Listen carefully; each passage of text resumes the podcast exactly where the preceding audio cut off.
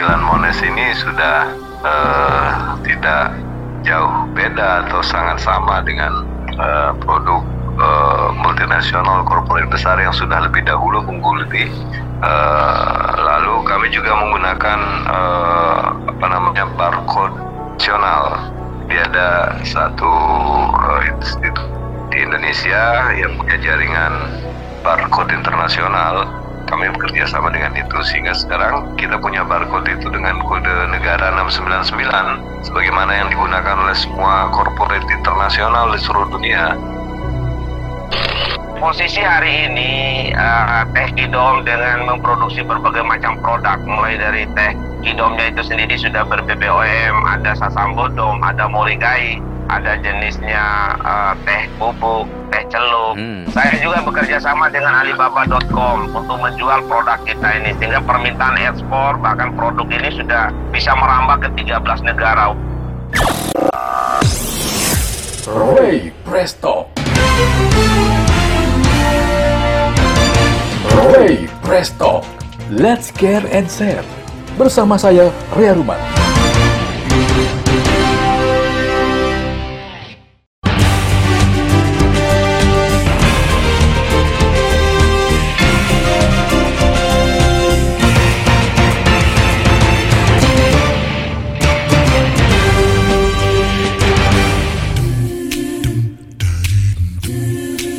Assalamualaikum warahmatullahi wabarakatuh. Halo podcaster Jumpa kembali bareng saya Rea Ruman Di obrolan hangat dan segar Ray Prestok Kali ini podcaster saya mengundang dua pembicara tamu Special guest speaker Pengusaha sukses dengan produk lokal kebanggaan mereka Yang kini makin laris di pasar lokal Bahkan mengglobal.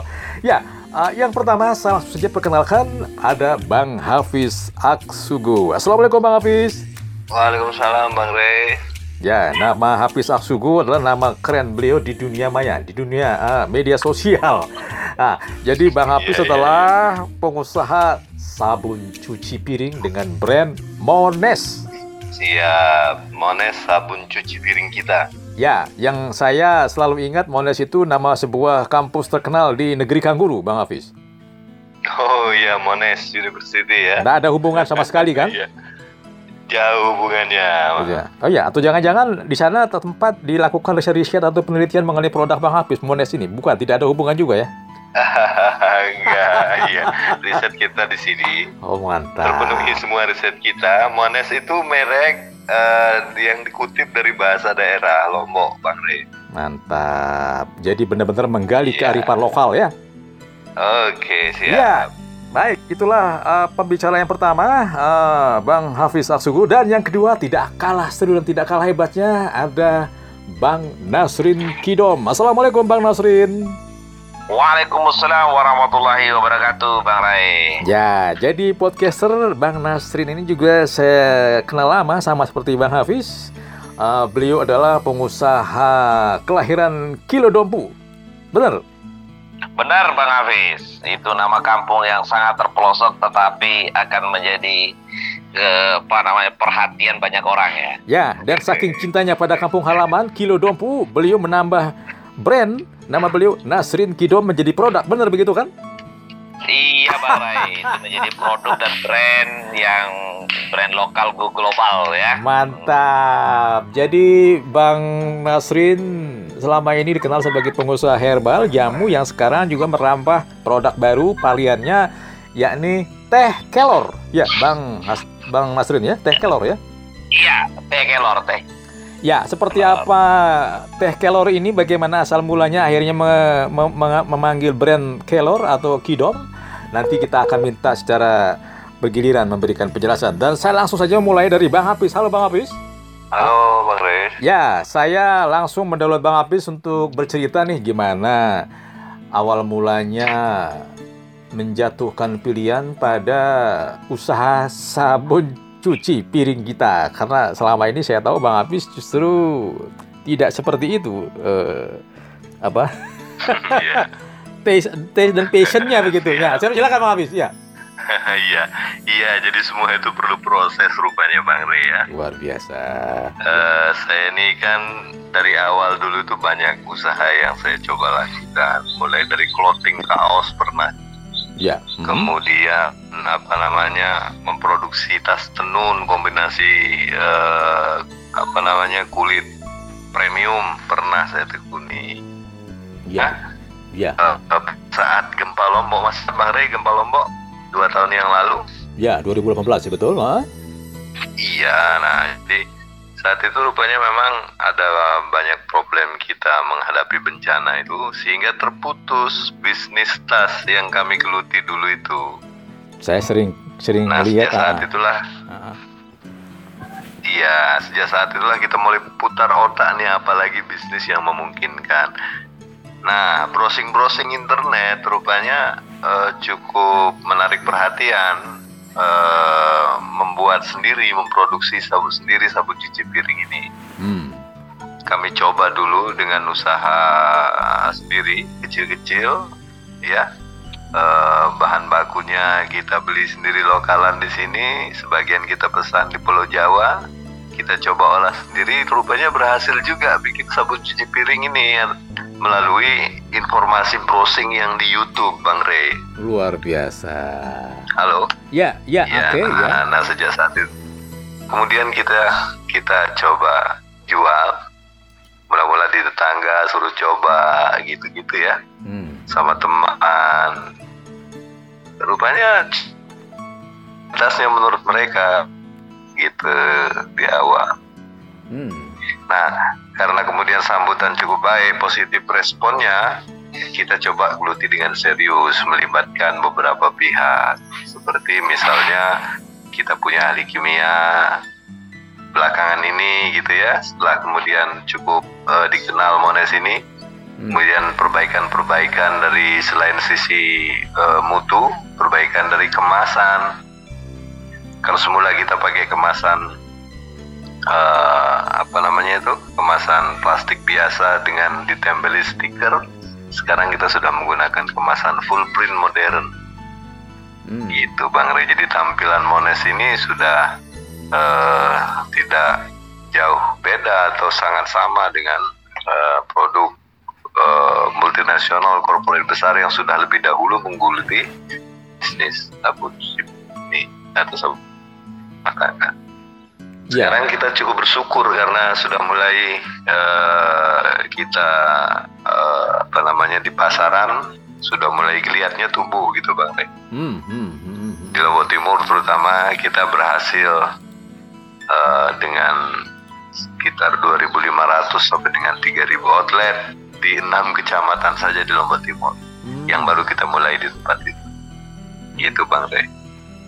Ya, eh, saya justru tergelitik ini akhirnya memakai nama Mones ini. Kenapa bukan nama yang lain? Oke.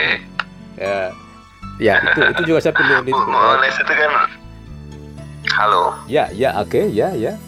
Oke, Mones itu kan kata bahasa Lombok. Artinya sangat bersih. Jauh lebih bersih gitu artinya Bang Rey. Nah, kita kan membuat produk ini agar kemudian eh, bisa mencuci jauh lebih bersih dari biasanya gitu. Makanya kita kemudian pakai nama Mones. Ya, Selain juga eh, artikulasinya Mones ini, dia juga punya eh, apa namanya eh, makna yang memang kuat di Lombok ini. Kalau urusan cuci mencuci bersih membersih ya Mones yang paling utama gitu Bang Rey. Oh, jadi ini kayak semacam nama yang akan membawa hoki kira-kira gitu Bang Apis ya? Ya. Siap, insya Allah. Oke, dan memang memberikan apa namanya mutu yang terbaik Hmm. sesuai dengan nama. Jadi kalau Mones sangat bersih, juga akan bisa membantu para ibu rumah tangga menggunakan Mones untuk semua perabot rumah tangganya di dapur bisa bersih, kinclong, Ya, sangat bersih gitu. ya. Saya justru eh, kalau melihat model kemasannya ini sebagai orang yang juga biasa mencari produk uh, sabun cuci ini melihat produk Mones ini justru berada di etalase brand-brand global. Uh, saya ngelihat oh, iya. cukup cukup menarik dan dan kenapa Bang Hafiz juga merasa yakin bahwa Mones ini bisa bersaing dengan produk-produk kelas dunia yang juga sejenis gitu. Baik, jadi uh, memang kita betul-betul pertimbangkan dari sisi kemasan karena kita akan paham uh, problem utama UKM kita ini memang kemasan. Jadi kami serius seriusilah di kemasan ini, mulai dari desainnya, ya, uh, kemudian pemilihan bahannya, bahan ini uh, sebagai kemasannya, dan tentu saja juga konten yang ada di kemasan itu semuanya disiapkan dengan sangat baik oleh tim. Termasuk juga uh, kami melengkapi ya kalau konten yang ada di kemasan itu kami melengkapi semuanya dengan izin edarnya, seluji labnya, kemudian sertifikasi halal muinya Majelis Ulama Indonesia. Uh, lalu kami juga menggunakan uh, apa namanya barcode nasional jadi ada satu uh, institut hmm, hmm. di Indonesia yang punya jaringan uh, barcode internasional. Kami bekerja sama dengan itu sehingga sekarang kita punya barcode itu dengan kode negara 699 sebagaimana yang digunakan oleh semua corporate internasional di seluruh dunia. Hmm. Gitu ya. Jadi kode negara kita 699, kemudian kemudian ada uh, kode perusahaannya dan ada kode produknya sehingga ketika produk ini nanti uh, di masa depan itu dijual di luar negeri uh, ya. dengan barcode sudah siap nah, oh. nah jadi persiapan-persiapan uh, seperti itu kami memang uh, dengan sungguh-sungguh uh, termasuk juga memberi tampilan yang memang uh, kesan pertama bagi publik bagi konsumen itu kami persiapkan persiapkan betul dan tentu saja isinya isinya yang bisa uh, apa namanya bermanfaat betul-betul bagi para konsumennya. Ya. Nah, kenapa kita yakin uh, kemudian menjadi produk andalan di NTB kemudian pada saatnya tim nasional karena uh, kita bisa membuat produk yang kualitas sama harga sama dengan produk-produk korporat besar tetapi isi lebih banyak. Oh, begitu. Jadi ya? keunggulan kita di Ya. Halo. Ya, ya, oke lanjut ya. Hmm. Ya, jadi dengan dengan berbagai macam keunggulan yang ada di kita itu, kita percaya bahwa produk ini uh, diterima masyarakat dan bisa menjadi produk uh, pendamping dari produk sejenis yang selama ini sudah ada lebih dahulu di pasaran. Nah, penjualan kita juga sekarang ini juga sudah cukup baik di Lombok Timur, terutama tempat kami memulai ini uh, semakin ke sini semakin berkembang. Jadi kita mula-mula dengan uh, dua tiga kecamatan. Awal di Lombok Timur sekarang sudah enam kecamatan dengan 2.500 sampai dengan 3.000 outlet. Itu di Lombok Timur saja? Yang sudah uh, Karena kita baru mulai di Lombok Timur sejak Januari. Oh, jadi Januari 2020. Just, justru mulainya dari Lombok Timur ya produk Mones ini ya? Uh, di Mataram pernah, Mataram Lombok Barat samaan dulu. Mataram dan Januari. Tapi kemudian karena sistem marketing kita kurang tepat untuk kota ini, kota Mataram dan Lombok Barat, jadi agak tersendat penjualan. Lalu kemudian kami ubah strateginya dan mulai saja di Lombok Timur dengan jumlah penduduk yang lebih besar. Dan ternyata kemudian dimulaikan dengan sistem yang baru. Mm -hmm. dan dan ternyata itu uh, problem retail itu Bang Rey, kita kan retail ini eceran. Uh, jadi rupanya dahulu itu dulu kita memaksakan untuk penetrasi mengendar di semua outlet sebisa mungkin outlet itu ngambil 20 30 itu di awal dulu kita ya ternyata itu keliru Halo? Ya, ya, oke, ya, ya. Ha, ha, ha. Baik. Ternyata itu keliru. Hmm. Jadi jadi strategi itu di pemasaran juga penting. Jadi kami tidak memaksakan di satu outlet untuk diserap produk ini dalam jumlah besar, tetapi sedikit. Misalnya hanya setengah lusin 6 saja, dibatasi paling banyak itu. Tetapi kita usahakan supaya 6 bisnis produk ini bisa uh, keluar dari outlet itu dalam waktu seminggu atau dua minggu. Baik. Gitu. Bang Jadi Hafiz? itu lebih efektif. Oke, ya, saya akan Siap. akan perdalam lagi mengenai Mones ya. Sekarang saya boleh eh, berpindah Iya. ke Bang Nasrin ya. Siap, Oh, ya, Ah, silakan. Bang Ray. Siap, Bang Ya. Ray. Ya, ini luar biasa ini penjelasan dari Bang Apis kayak semakin menarik ini. Dan saya yakin eh, Bang Nasrin juga setelah mendengar paparan dari Bang Apis mungkin berminat atau justru ingin memperdalam lagi kidomnya dan bagaimana ini ya sekarang saya ingin bertanya nih. Bagaimana kidom dengan produk teh kelornya yang setahu saya mungkin ini yang pertama di NTB atau di Indonesia ini. Ya, eh, terima kasih Bang Ray. Luar biasa Bang Hafiz ini. Salut, saya hormat, saya bangga dengan perjuangannya dari Bang Terima Hafiz kasih. ini. Hmm. Eh, Martin, thank you. Mungkin. Eh, jadi cerita tentang Kingdom ini adalah berawal dari sebuah kegalauan hati saya sebagai putra NTB, Bang Ray, Bang Hafiz. gitu Oh. ya. Mhm. di mana selama ini kita melihat bahwa NTB ini eh, dalam tanda kutip saya memiliki produk yang bisa menjadi kebanggaan kita bersama gitu ya. Potensi sumber daya alamnya begitu luas, eh, begitu banyak variasi dan variasi potensi sumber daya manusianya cukup luar biasa. Tapi kita melihat di hampir seluruh rumah tangga yang ada di NTB ini eh, tidak kita menemukan produk yang hasil produksi Nusa Tenggara Barat. Itu yang saya mendasari saya pada tahun 2016. Oh, Maka terbesitlah pikiran saya bagaimana supaya teh yang ada di setiap dapur-dapurnya ibu-ibu itu harus ada teh yang produksi NTB.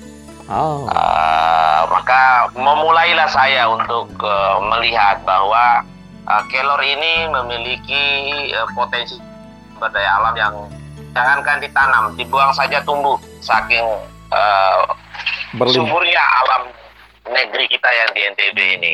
Hmm, hmm, hmm. Nah, pada saat itulah saya mulai terinspirasi dengan kedatangan seorang investor dari Jerman yang 2000 Januari 2016 itu ketemu saya dan memesan daun kelor itu sebanyak satu ton untuk dikirim ke Jerman. Wih, Raidi, satu ton Nah, nih. dalam perjalanannya Hmm. ya. Dalam perjalanannya sudah deal, sudah buat MOU, bahkan sudah DP bahwa Januari Februari 2016 itu ah, kelor daun kelor itu sudah ada di gudang dan awal Maret harus dikirim ke Jerman.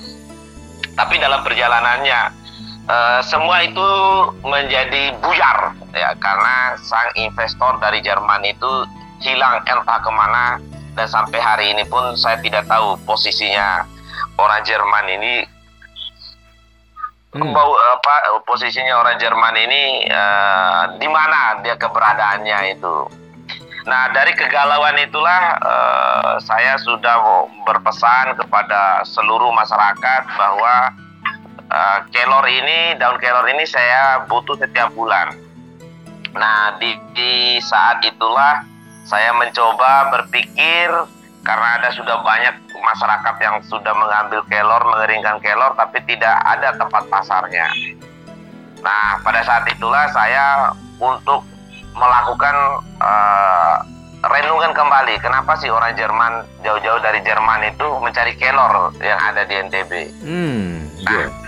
Di saat kegalauan itulah saya eh, teringat waktu saat beliau ke tempat saya.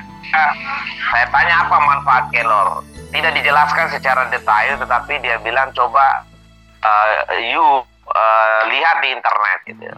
Nah pada saat antara kebimbangan, kegalauan dan seterusnya itu saya mencoba selesai bulan Juni 2016 itu saya balik dari lebaran setelah menyaksikan banyak sekali karung-karung kelor yang ada di keluarga saudara di kampung saya yang tidak diambil akibat janji saya yang setiap bulan uh, membeli satu ton. Okay. Nah, pada saat membuka internet itulah saya menemukan keajaiban di mana kelor yang selama ini hanya dijadikan sayur bening jadi mohon maaf uh, dijadikan sebagai pakan ternak baik itu kambing maupun sapi. Ternyata kelor itu memiliki manfaat yang luar biasa. Ada 300 manfaat dari hasil penelitian beberapa para ahli terhadap manfaat kelor itu. Hmm. nah setelah melihat itulah saya terpikir saya sebagai pengusaha jamu yang mulai dari tahun 93 23 tahun saya menggeluti jamu maka saya melihat ini adalah sebuah potensi. Awalnya saya ingin menjadikan kelor itu sebagai bahan baku, sebagai campuran jamu saya yang sudah saya produksi. Tetapi pikiran saya waktu itu ada empat hal, jamu itu identik dengan kalau dibagi dua zaman milenial maka jamu itu biasanya dikonsumsi zaman oleh generasi kolonial kalau gitu, yang tua-tua. Ya, yang kedua ya jamu itu identik dengan pahit. Yang ketiga jamu itu begitu minum orang ingin langsung sembuh, ingin langsung berubah keluhan-keluhannya. Dan yang keempat regulasi dari pemerintah. Hmm. Nah, waktu itu saya berpikir kenapa kita tidak menye menyasar milenial, maka generasi identik dengan teh. Hmm. Maka mulailah saya melakukan racikan-racikan, mulai uji coba dengan ratusan gelas. Bahkan itu banyak orang yang saya bagi secara gratis untuk teh kelor ini. Nah yang kedua kelor itu kalau teh tidak ada. Nah yang ketiga kalaupun kelor ini dirasakan manfaatnya itu bonus. Dan yang keempat regu pemerintah yang diberikan bagaimana membuat minuman itu menjadi uh, lebih membumi Nah dari dasar pemikiran itulah saya memulai untuk me, uh, memulai memproduksi teh itu dalam bentuk yang bubuk dengan brand awalnya itu adalah Sasambu. Jadi oh. Sasak Samawa Bojo awalnya. Teh Sasambu gitu ya. Namun dalam ya Sasambu. Namun dalam perkembangannya saya melihat ya, banyak teman-teman saya yang bilang Yuk Pak Nasrin kan orang dompu gitu kan. Ini bukan masalah sara, tapi ini sebagai masalah bagaimana mengangkat harkat dan martabat daripada tempat menjadi sa sambodom sasak samawam bojo dobu. Hmm.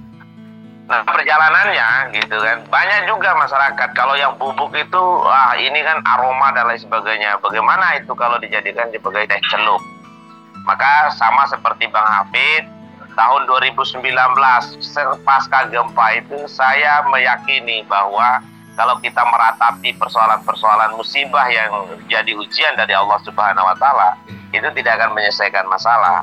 Maka ya. saya waktu itu beranikan diri untuk menginvestasi untuk membeli uh, mesin yang otomatis yang mampu memproduksi teh celup dan alhamdulillah Januari 2019 mesin teh celup satu-satunya dan pertama di NTB hadir di tempat saya. Maka mulailah saya dengan semangat baru motivasi baru untuk memproduksi teh daun kelor dalam bentuk yang bubuk maupun yang celup. Dengan dengan merek Kidom? Dengan merek Kidom Idom itu adalah kampung halaman saya. Selain bahan bakunya memang saya lagi fokus untuk membeli mengambil di kilo, di kilo itu juga sebagai bentuk rasa cinta kita terhadap tanah kelahiran kita. Maka muncullah nama Kidom, Mantap. yaitu Kilo Dom. Luar biasa.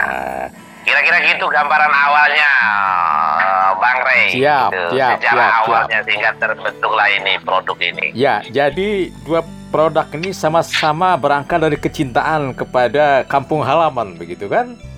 Walaupun dengan dengan Setuju Bang Rai, setuju Bang Rai. ya, Bang Hafiz. Halo Bang Hafiz. Iya, Bang Rai. Ya, ada halo, Kidom, halo. ada Kidom, ada Mones. Nah, ini sekarang sekarang sekarang saya kembali ke ya. Mones ini. Uh, itu dalam proses produksinya ini bagaimana pelibatan tenaga-tenaga uh, yang dipekerjakan dari sisi ya semuanya gitu Ayo. termasuk termasuk sarapan tenaga kerja. riset dan sebagainya. Gimana kondisinya, Bang Hafiz? Iya, iya. Ya, jadi memang proses panjang ya. Kita mulai launching produk ini di 2020. Uh, tetapi proses uh, sehingga dia produksi yang siap edar, uh, siap digunakan oleh rumah tangga konsumen itu sudah dimulai sejak 2019 pasca gempa itu. Ya, Jadi ya, oke. gempa kita coba cari. Nah, ini kemudian sampai pada kita temukan formulasi yang tepat dengan pelibatan eh, ahlinya. Nah, kami juga punya eh, apa namanya manajer produksi, eh, apa namanya eh, tamatan Kimia ITB. Jadi dia yang menjamin produksi ini siap di lab dulu baru kemudian dipasarkan. Eh, tenaga kerja selain tenaga eh, konsultan ahli itu eh, di bidang produksi di produksi kita juga melibatkan lima tenaga kerja Hmm, dua orang di pengolahan dengan mesin yang juga sudah semi modern kita menggunakan mesin mixer semi modern untuk mengadukan berbagai macam bahan. Itu lalu tiga orang di eh, packing pengemasan. Ya, mesin eh, semi modern untuk mesin billing. Jadi kita sudah mengisi dengan mesin billing sekarang Bang Re ya, kalau ya. dahulu kan kita pakai gelas takar mengisi ke kemasan itu sekarang kita sudah pakai mesin billing Oh, begitu. semi otomatis Sudah mulai ya mengikuti itu tren bisa. ya. Oke, ya. Hmm. ya itu bisa memproduksi eh, sehari kami bisa produksi 5.000 sampai dengan 6.000 pouch dengan lima tenaga kerja dan kita juga menggunakan eh, teknologi modern juga untuk untuk sealingnya halo Ya, ya, oke, halo. ha? Ya, kita juga menggunakan uh, mesin uh, sealing uh, yang conti- continuous sealing, Uh, sehingga uh, selain tenaga kerja yang kita libatkan cukup banyak, kita juga menggunakan teknologi yang modern. Uh, kalau di marketing pemasaran uh, cukup banyak yang terlibat karena kita kan uh, retail ini eceran sehingga kita perlu salesman memang tugasnya itu mengunjungi outlet setiap hari dengan target tertentu. Satu salesman kita bisa mengunjungi kunjungan itu 60 outlet sehari Bang Rey. Oh, begitu. Ya, ya. Ya, 60 outlet sehari sehingga uh, upaya kita untuk mempercepat produk ini uh, menyebar sebarannya 10 lombok di tahap awal ini uh, bisa tercapai. Ya. Uh, hmm. dan ya Kalau dari sisi jumlah eh, as produksi dalam sehari ini, kalau idealnya bayangan Bang Apis itu berapa Ah, dari sisi supply and demand sementara ini? Oh iya. Eh, kalau kita dari hitungan jumlah penduduk kan memang harus besar kita berproduksi Bang Ray. Ya betul. Hmm. NTB ini kan dengan jumlah penduduk kurang lebih 5 juta ya. Ya, ya. ha, ha. 5 juta, 5 juta, 5 juta se-NTB. Itu kalau hitungan-hitungan kasarnya eh, dibagi empat, artinya satu, satu keluarga, satu satu keluarga itu empat jiwa, eh, itu bisa 1,5 juta 1,250 juta kepala keluarga di NTB. Nah, dengan jumlah satu juta lebih keluarga di NTB ini mengkonsumsi mencuci piring per tiga hari, artinya kan ada sekitar eh, 400 ribu pouch, 400 ribu kantong yang diserap oleh warga NTB. Bayangkan kalau kita bisa memproduksi 400 ribu pouch. Ini kan sekarang ini di, di, dikuasai atau disuplai oleh eh, perusahaan multinasional, perusahaan-perusahaan besar dengan merek-merek besar itu Hmm. yang selama ini menyuplai rumah tangga. Eh, kita nggak perlu ngambil seluruh, kita ambil 10% saja, itu produknya bisa sangat besar. Bisa 40 ribu pouch sehari. Sementara kami baru bisa memproduksi 5.000 sampai 6.000 kantong sehari. Ya. masuk. Oke, ya. Baik, Bang Hafiz. Halo. Bisa ditahan lagi ya? Saya Ya, kembali ke Oke, ya. Bang Nasrin Kidom. Ini bagaimana kondisi teh Kidom juga, eh, Bang Nasrin? Produksinya dan pemasarannya.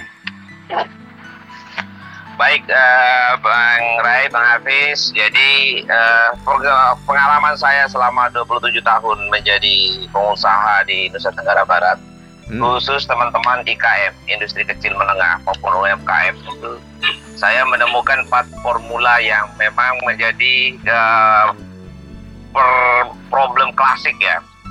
Jadi yang pertama itu adalah dari bahan baku. Eh, yang kedua itu dari sisi eh, peralatan. Yang ketiga itu dari sisi legal. Yang keempat dari sisi eh, marketing ya. Eh, pengalaman saya 27 tahun membuktikan bahwa dengan kita eh, memproduksi terkendala itu di bahan baku. Jadi seperti yang disampaikan oleh Bang Hafiz, kalau kita menghitung saja untuk pemasaran lokal ada penduduk kita 4 juta sampai 5 juta. Kalau aja anggap aja 50% menggunakan produk lain di luar daripada produk kita, maka eh, ada 2 juta setengah. Kalau 2 juta setengah ini anggap saja yang mengkonsumsi teh itu ada sekitar lagi 50% ada 1 juta 250. Anggaplah 1 juta sebulan mengkonsumsi teh. Maka kebutuhan kita akan bahan baku tidak kurang dari 10 sampai dengan 20 ton kelor kering. Hmm. Maka pendekatan yang saya lakukan adalah bagaimana kita itu mempersiapkan bahan baku. Nah, pada saat sekarang Bang Rai dan pemirsa eh, yang mendengarkan informasi ini, saya lagi eh, melakukan budidaya di kilo itu sebanyak 100 hektar eh, daun kelor, apa tahu untuk lahan kelor ya. Wow, 100 hektar ya. Untuk bisa kita ya, ya 100 hektar itu baru di kilo saja yang sudah berproduksi sebanyak 10 hektar. Sisanya dalam proses ada pemagaran, ada eh, pembersihan lahan, penanaman, bahkan sudah ada yang sudah mulai dari proses untuk tumbuh, ada yang usianya satu minggu, ada yang dua minggu. Di mana kelor ini eh, eh, bisa dipanen dengan usia dua setengah tahun, baik itu melalui eh, proses penanaman bibit maupun dengan menggunakan batang. Eh, ya selain di Kilo sana kita juga mengembangkan di Bima, di Sumbawa, di KSB, bahkan beberapa waktu yang lalu saya sudah bekerja sama dengan beberapa eh, asosiasi dan organisasi untuk eh, melakukan eh, penanaman. Itu di Lombok Tengah kita bekerja sama dengan pondok-pondok pesantren. Salah satunya yang sudah melakukan itu adalah pondok pesantren di Darul Hikmah. Eh, begitu juga di Lombok Utara. Nah, kita terus ini karena apa? Kebutuhan bahan baku hari ini tidak kurang dari 100 ton kebutuhan kita daun kelor yang kering. Baik itu permintaan dalam bentuk daun bahan baku oleh sahabat-sahabat saya maupun untuk kita produksi. Eh, yang kedua adalah peralatan. Dari sisi peralatan benar tadi kata Bang Hafiz, apabila kita memproduksi saja sudah lokal, kalau kita masih manual atau kita masih dengan kapasitas mesin yang tidak memadai, maka apalah artinya peluang pasar kalau kita tidak bisa memproduksi banyak. Maka dari itu saya melakukan sebuah inovasi sesuai dengan program yang dicanangkan oleh Pak Gubernur bagaimana kita membangun industrialisasi. Maka kita harus melengkapi peralatan-peralatan karena kondisi ini Bang Rai, Bang Hafiz eh, bantuan pemerintah itu bukan yang dibutuhkan tetapi yang diinginkan. Hmm. Ya, Ya, ya. kenapa saya bilang yang diinginkan? Ya diinginkan itu kalau mereka tahu bahwa kapasitas eh, listrik kita hanya 900 watt, tapi yang dibantu diberikan itu adalah kapasitas listrik yang 1300 bahkan 2200 Iya, iya, iya. Oleh kita sehingga kadang-kadang yang terjadi banyak sekali peralatan-peralatan yang diberikan kepada IKM maupun UKM yang mangkrak karena tidak memenuhi kapasitas listrik yang dibutuhkan.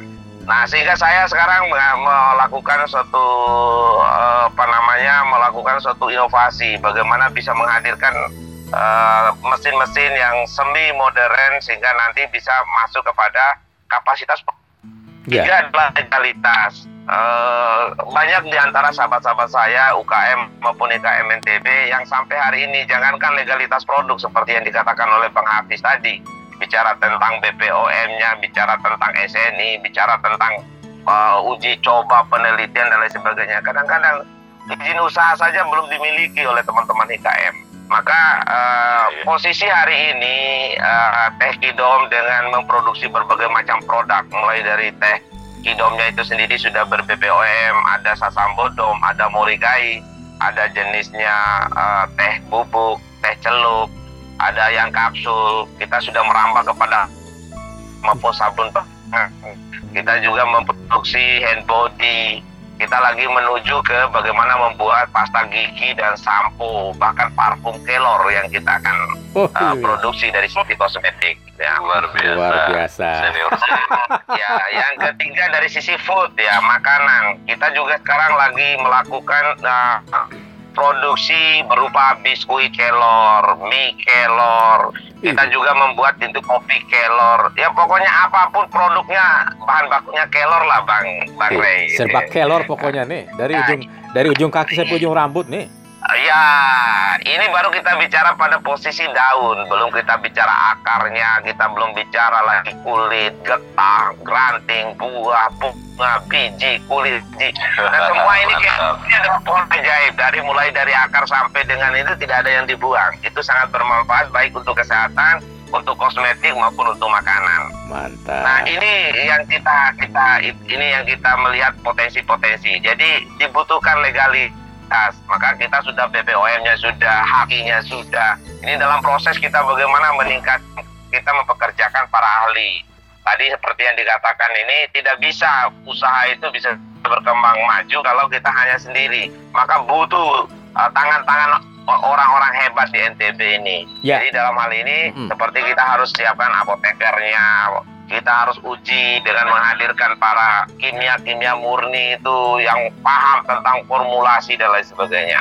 Iya. Halo Bang Nasrin. Nah, terus yang keempat adalah kita bicara tentang marketing. Tadi benar gitu, habis penduduk ETB ini harus uh, mencintai produk, membeli produk lokal. Kalau tidak begitu, produk kita tidak akan bisa bisa bisa bersaing. Maka kemasan harus diperbaiki, legalitasnya harus dilengkapi, produksinya harus bisa kita masal. Nah seperti hari ini saya punya distributor Indonesia itu pesannya itu satu juta sampai 5 juta 5 juta kotak per bulan. Effort yang butuh ke, ke, ke, ketekunan kita dalam bisa membangun. Jadi pasar itu akan tercipta sendirinya kalau kita menghadirkan produk-produk yang berkualitas, yang memiliki legalitas dan memiliki kapasitas produksi yang memadai. Gitu. Uh, kita juga main di online, uh, main di online. Hampir seluruh. Uh, jadi kita sekarang menjual produk tidak mesti harus kita kayak zaman kita dulu, Bang Rai, hmm. zaman kita dulu, Bang Aris. Jadi datang di pinggir jalan, bawa mic, halo-halo kita jual. Tidak seperti itu sekarang. Kita hmm. sekarang tinggal hanya duduk, diam di ini, mainkan dengan jempol dua aja kita sudah bisa menghasilkan uh, pasar yang luas di seluruh dunia. Hmm. Saya juga bekerja sama dengan Alibaba.com untuk menjual produk kita ini sehingga permintaan ekspor bahkan produk ini sudah bisa merambah ke 13 negara walaupun belum kapasitasnya banyak ekspor dengan menggunakan kontainer tapi 13 negara itu lewat duta besar atasnya-atasnya perdagangan kita sudah bisa memperkenalkan produk kita ini ke luar negeri. Itu sudah dilakukan Jadi, ya? Artinya hmm? apa? Hmm? Ya. Itu sudah dilakukan uh, memperkenalkan produknya lewat-lewat. Hmm? Sudah sampai bang, sudah diterima, sudah diterima, bukan lagi baru dilaksanakan, tapi sudah dikonsumsi para duta besar duta besar ini, gitu lah. Jadi siapa dulu yang pernah menyangka dengan virus uh, corona di Wuhan ternyata memberikan dampak manfaat bagi teh kidom gitu kan. Jadi ternyata katanya para hmm. ahli selain untuk uh, mencegah uh, itu kelor itu adalah untuk mencegah corona bang. Mantap. Lengkap sudah kalau begitu ya. Ya, luar biasa. Ini menarik ini. Kidom dengan Moles ini sepertinya juga ada hubungannya dengan pandemi corona. uh, yang satu, salah satunya produk suplemen. Yang satunya untuk dari dalam. Jadi, Jadi ini saling ini. saling melengkapi nih ya, Bang Nasrin sama Bang Hafiz.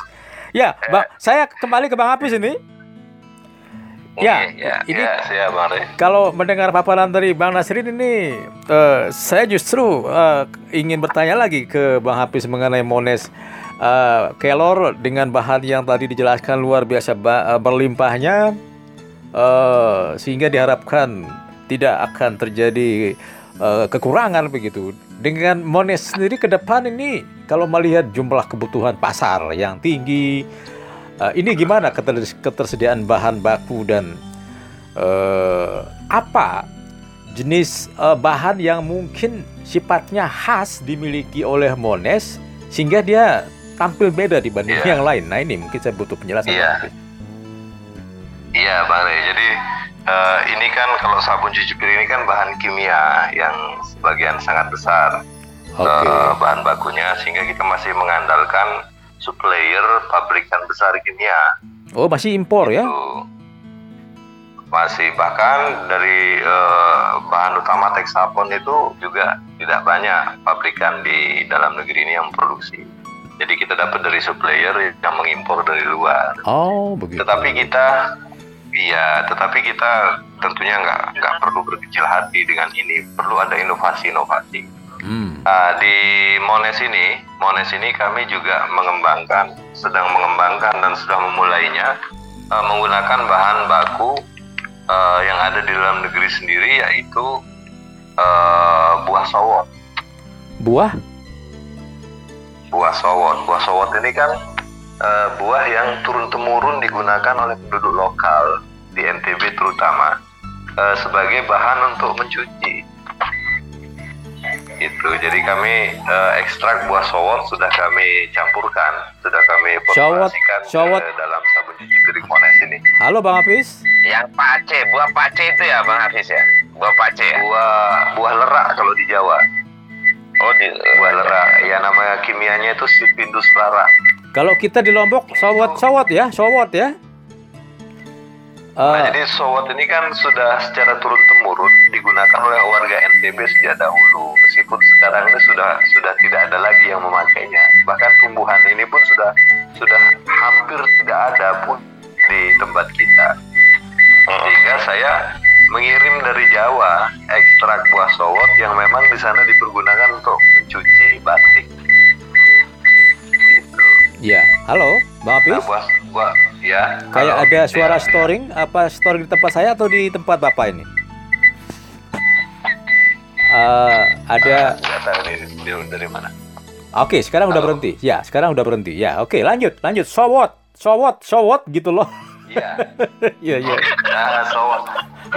Sowot ini, sowot ini kalau eh, bagi yang sudah tidak milenial lagi ya, kelahiran tahun 70, 60 ke atas itu sangat mengenal buah sowot ini. Saya Dulu mungkin suka ada tumbuh di masjid. mungkin namanya kali beda di tempat saya mungkin nama beda ya. Saya kurang begitu paham dengan sowot ya. Kalau di Lombok Timur sejenis uh, saya juga ya aja terus terang masih belum begitu. Iya, Ya. itu suka tumbuh di masjid. Biasanya kalau di masjid-masjid di Lombok ini kan kita ada kolam yang digunakan MCK oleh jamaah masjid. Oke. Biasanya jamaah pria itu ke sana mencuci sarungnya dan lain sebagainya. Pakai Nah, sowot. Di Ya. samping kolam itu, ya di samping kolam itu biasanya suka tumbuh pelage kalau orang Lombok menyebutnya suka ada ditanam buah sowot tidak hanya satu, dua, tiga. Nah buah sowot ini bijinya dimanfaatkan oleh warga itu untuk tidak cuma mencuci sarung tapi untuk sampo, sampo rambut Hmm. itu Iya, turun iya. temurun dari dahulu digunakan itu namanya buah kalau di Jawa itu dikenal dengan buah lerah kalau nama kimianya Sipindus rara. Ya, oke. Ini bahan baku yang juga sedang diupayakan ya oleh Bang Hafiz ya. Uh, sudah mulai kita gunakan. Sudah mulai kita gunakan uh, ekstraknya. Tetapi kita masih kirim ekstraknya dari Jawa. Karena di Pulau Jawa itu digunakan untuk mencuci batik. Produsen-produsen batik di situ menggunakan Kalau- nih buah mengkudu itu ya, buah pace mengkudu itu ya. bukan buah lerak. Buah lerak senior. Oh senior ya. buah lerak. Ya kalau di Jawa dikenal dengan buah Itu pohon-pohon atau atau atau berupa tanaman perdu atau pohon Uh, besar? pohon. Ah, bukan pohon besar Nah, Wah, itu bisa kolaborasi itu... nih Bang Hafiz. Jadi di tengah kelor kita tanam ya. itu buah lerai ya. Mantap. Ah, ya, luar iya. biasa. Karena ini sekarang kita kita masih kirim ekstraknya, diekstraksi di Jawa karena di situ pohon ini masih masih masih banyak dan digunakan untuk cuci uh, apa namanya? batik. Jadi kemungkinan nah, kemungkinan nanti juga uh, ini akan dibudidayakan lagi nih Bang Hafiz. Uh, kemungkinan ketika kita menggunakan ini sebagai misalkan uh, 20% dari bahan baku kemungkinan bisa itu tapi sekarang belum mencapai 20% kita masih menggunakan bahan-bahan yang lain bahan utama buat sabun yang lain Bede, mantap. yang diproduksi oleh pabrikan besar ya ya nah okay. buah lera ini kalau di NTB ini sudah hampir nggak ada. Saya pernah mendengar itu ada di Narmada. Ketika saya kejar ke sana ternyata cuma satu pohon yang tersisa. Nah, jadi masih lebih mudah kita sekarang ini mengirim ekstraknya dari luar. Oke. Okay, Sehingga yeah. ke depan kalau memang menjadi bahan baku utama kelak, ya tidak menutup kemungkinan untuk itu akan menggunakan buah lain sebagai bahan baku utama. Namanya sowot dan di kemasan kami sudah sudah uh, apa namanya muat juga di situ uh, karena Mones bis yang kami punya sekarang kemasan 125 mili dengan harga sangat ekonomis 2000 itu juga sudah menggunakan plus buah sawot hmm. ekstrak buah sawot okay. sehingga uh, busa dan daya cucinya sangat tinggi dan kualitasnya uh, sangat sebanding dengan produk-produk sejenis yang sudah beredar. Ya, Bang Hafiz, ini secara teknis produksi Siap. apakah mengalami kendala atau punya pengalaman yang berbeda dibanding dengan tadi disampaikan oleh eh, Bang Nasrin dari sisi uh, sarana pendukung dan uh, konsep pemasarannya. Uh, kalau tidak salah tadi kan Bang Hafiz menyebutnya ya. dimulai dari Lombok Timur. Nah, gimana ya, nih kondisi-kondisinya? Ya, uh, ya, jadi pertama memang ya ke retail ini, retail retail mengecer ini, mengecer ini memang perlu ketekunan. Kan kita sebaran yang terutama, hingga uh, apa namanya outlet garda terdepan kita itu adalah uh, warung-warung, kios-kios yang ada di pemukiman warga. Nah, jangkauan jangkauan kita ini kan harus dengan uh, tenaga salesman yang cukup untuk bisa mengcover area itu. Nah, kekurangan kami sekarang memang jumlah tenaga salesman ini uh, saya tidak begitu paham ya uh, yang menjadi yang ingin menjadi salesman uh, kayaknya profesi salesman ya yeah. dan itu memerlukan uh, apa namanya skill yang skill yang memadai kegigihan uh, kerja etos kerja yang sangat tinggi. Nah sekarang ini kita masih kekurangan salesman untuk bisa mengcover area yang sangat luas ini di NTB ini. Uh, di Lombok di Mataram ini saja dari hasil uh, apa namanya survei lembaga survei besar uh, konsumen itu menyebutkan tidak kurang dari 6.000 outlet yang ada di Kota Mataram. Baik. Ya, Bang Apis. Halo. Ya. Ya, saya ingin. Halo ya. Uh, Oke, okay, Bang Apis uh, memberi gambaran ini terkait dengan musim pandemi corona saat ini. Uh, ini bagi usaha modest ataupun nanti Gidom juga berkah atau bencana atau bagaimana ini? Saya pikir berkah ya. Iya, karena, dijelaskan ya. Karena kan orang sekarang sekarang harus rajin cuci tangan, Bang Rey. Oh, ya, gitu. harus rajin cuci, cuci tangan, ya. Uh-huh. Ya, kami juga punya produk selain sabun cuci piring, kami punya hand sanitizer. Punya produk hand soap, sabun cuci tangan. Oh, uh, hand sanitizer juga, hand sanitizer juga kami produk, uh, hand soap juga yang terutama kami produk. Ya, uh, pengembangan-pengembangan berikutnya nanti juga kita dan lain sebagainya. Nah, itu makanya saya uh, perlu juga saya sampaikan apa namanya uh, ucapan terima kasih uh, Grab Mones Pesada produsen Mones ini kepada uh, PLN dengan CSR-nya kita bisa mendapat pinjaman lunak untuk pembelian mesin. Oke. Okay. Nah, Ya, ya, ya. Ha, ha. Kita berharap ada bantuan serupa juga pinjaman modal uh, untuk pembelian mesin yang ringan. Uh, rencana kita ingin mengemas produk ini dengan saset. Itu memerlukan uh, mesin saset filling yang uh, harganya juga lumayan. Iya, iya. Yang bisa kita harapkan. Uh, ngomong-ngomong pro produk produk Mones, halo Bang Apis. Uh, ya, apakah juga dilirik oleh Pemda uh, dalam program pemberian uh, stimulan apa apa bantuan sembako bagian dari sembako ya. yang diberikan ke warga terkena dampak?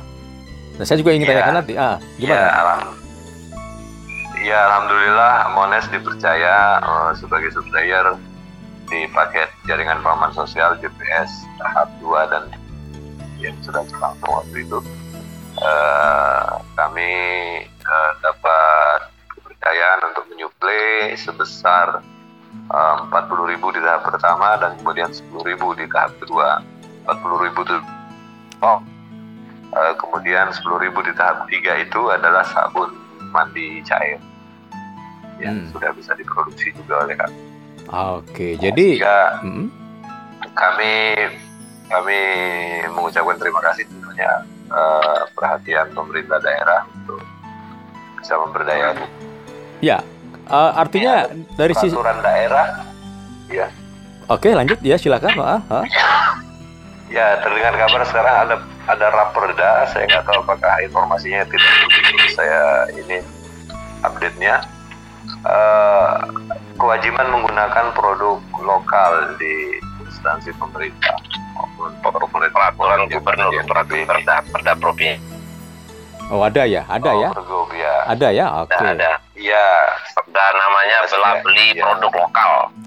Bela beli? Oh, nah itu Pak Nasri yang bisa menjelaskan. ya. seru, seru nih. Saya jadi mau ikut ya. juga nih jadinya. Oke, okay, ya. Ya, sebelum dijelaskan oleh Pak Nasri lebih lanjut, uh, artinya dari sisi UMKM uh, eh, menyambut baik dan justru mendorong dan sangat berharap ada regulasi yang bisa berikan peluang yang jauh lebih besar lagi kepada UMKM di NTB ini. Dan perlindungan gitu ya, Bang Apis ya? Produknya. Hmm. Uh, berlindung uh, kesempatan kalau saya lebih menyebutnya membuka peluang yang lebih besar. Okay. Karena problem marketing kita sekarang ini Bang Rele, Bang Ray ya. Uh, mengubah mindset, mengubah mindset warga dari kebiasaan mereka menggunakan produk uh, korporat besar multinasional itu.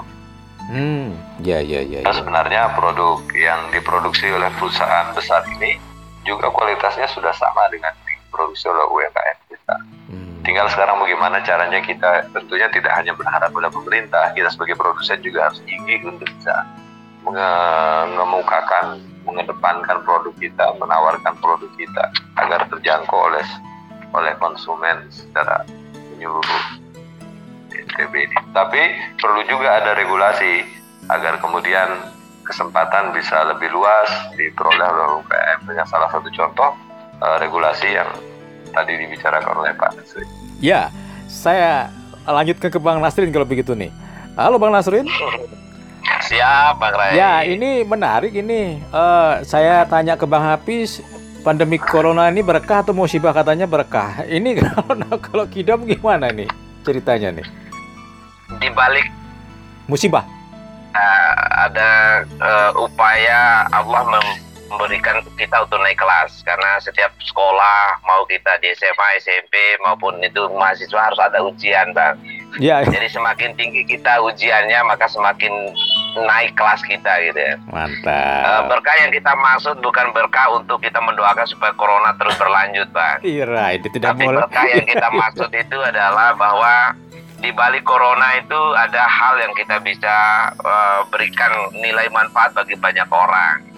Ya, ya. Nah, ya. seperti kita kembali ke teh kelor ini, Bang. Jadi dengan corona yang mana masyarakat dulunya merasa di stay di rumah, tersu ini, tapi Allah menunjukkan bahwa daun kelor yang selama ini hanya tumbuh jadi pembatas pagar, pembatas lahan, ternyata bisa memberikan nilai ekonomis bagi masyarakat sehingga bisa mendapatkan pendapatan untuk bisa mem memenuhi kebutuhan uh, untuk uh, masyarakat kita atau ke tenaga kerja. Mahasiswa kita hampir 3-4 bulan dia uh, stay di rumah balik ke rumah masing-masing.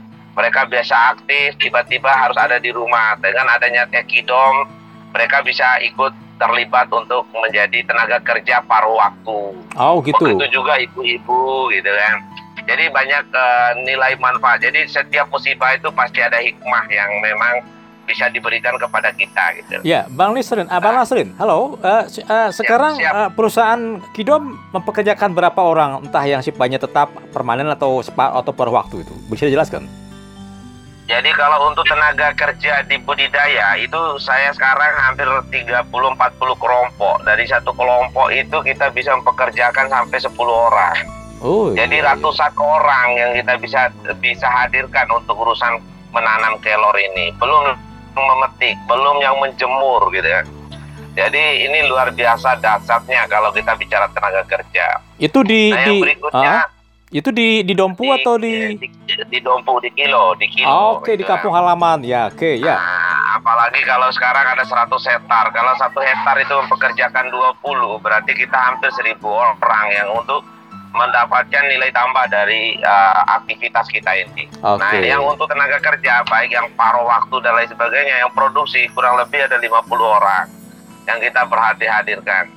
Terutama waktu masa kita kemarin uh, program JPS NTB Gemilang. Jadi terima kasih kepada pemerintah Provinsi NTB mulai dari JPS tahap 1, 2 dan 3 itu tidak kurang 50 orang yang kita uh, uh, yang kita rekrut untuk menjadi paruh waktu ataupun menjadi karyawan tetap.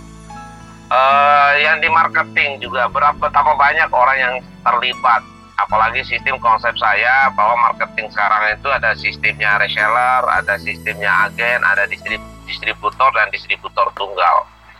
Begitu banyak orang yang terlibat. Jadi uh, yakinlah bahwa yang bisa kita dapat peroleh partai Ya. Nah, terkait tadi yang saya uh, singgung masalah tentang keberpihakan pemerintah luar biasa memang terlepas bukan karena ini karena memang pemerintah butuh untuk uh, memberikan perlindungan uh, butuh memberikan suatu ruang gerak yang cukup banyak. Jadi kami ini di UKM itu tidak butuh uang, Bang Rey.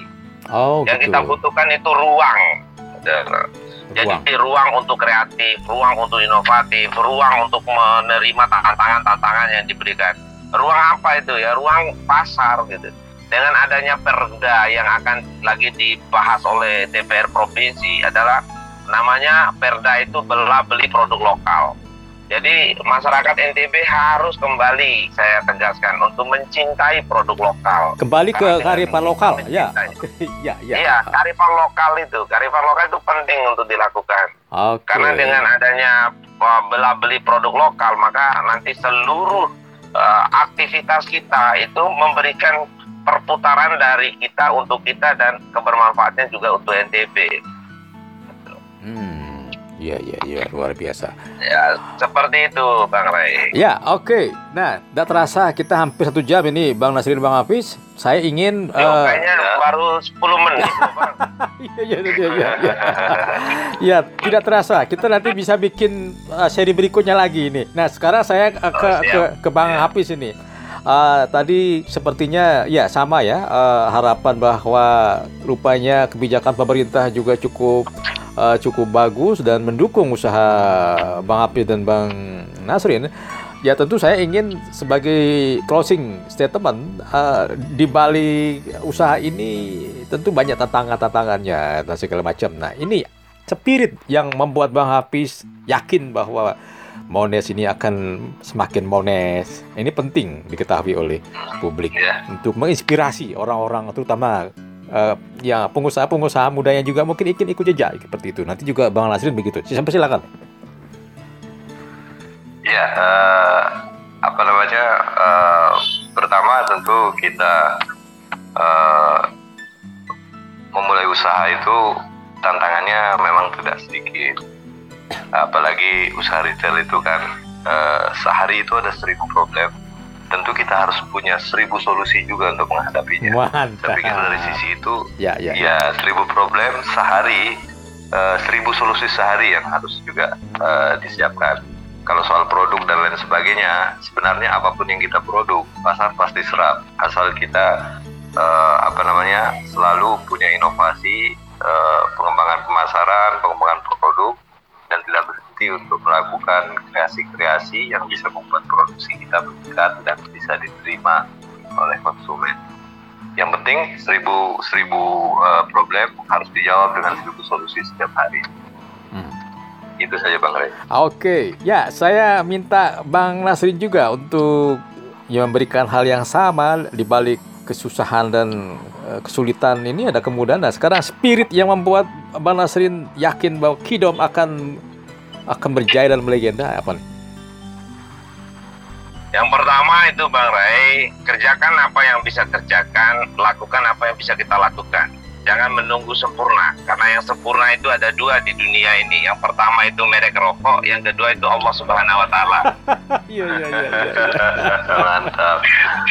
Yang kedua manjada wajada siapa yang bersungguh-sungguh pasti akan mendapatkan hasilnya. Mantap. Yang ketiga, Allah tidak akan merubah nasib satu kaum kecuali kaum itu sendiri yang merubahnya. Jadi kalau kita ingin sukses, ingin berhasil, yakin bahwa Allah itu akan memberikan yang terbaik di dalam kehidupan kita berbuat baiklah maka akan mendapatkan kebaikan berbagilah maka akan mendapatkan kebahagiaan itu Mantap. maka hidup itu harus dibuat jadi enjoy dibuat jadi serius tapi santai Oke, seru ini.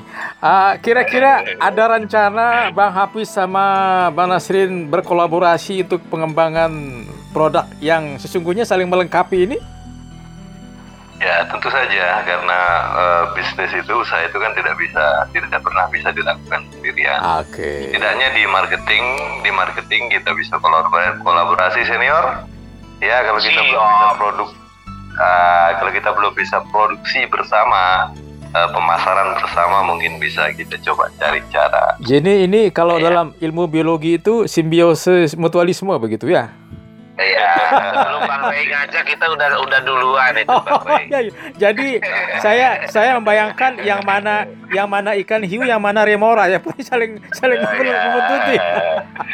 Kalau kita sama Bang Hafiz itu ibaratkan saudara dengan saudara, guru okay. dengan murid, orang yeah. tua dengan kakak. Jadi sudah kita jalanin gitu. Sukses selalu kalau begitu. Berguru sama beliau itu ya. Ya. Masya Allah, saya yang justru berguru sama.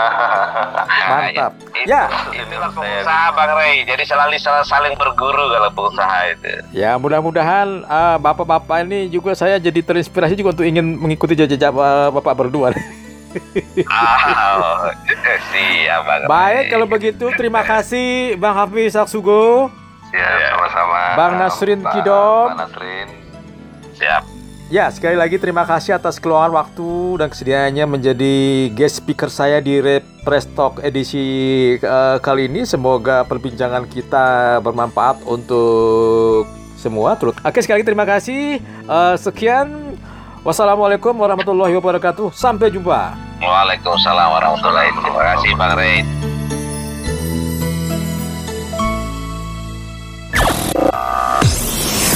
Ray Presto. Ray Presto, Let's Care and Share. Bersama saya, Ria Ruman.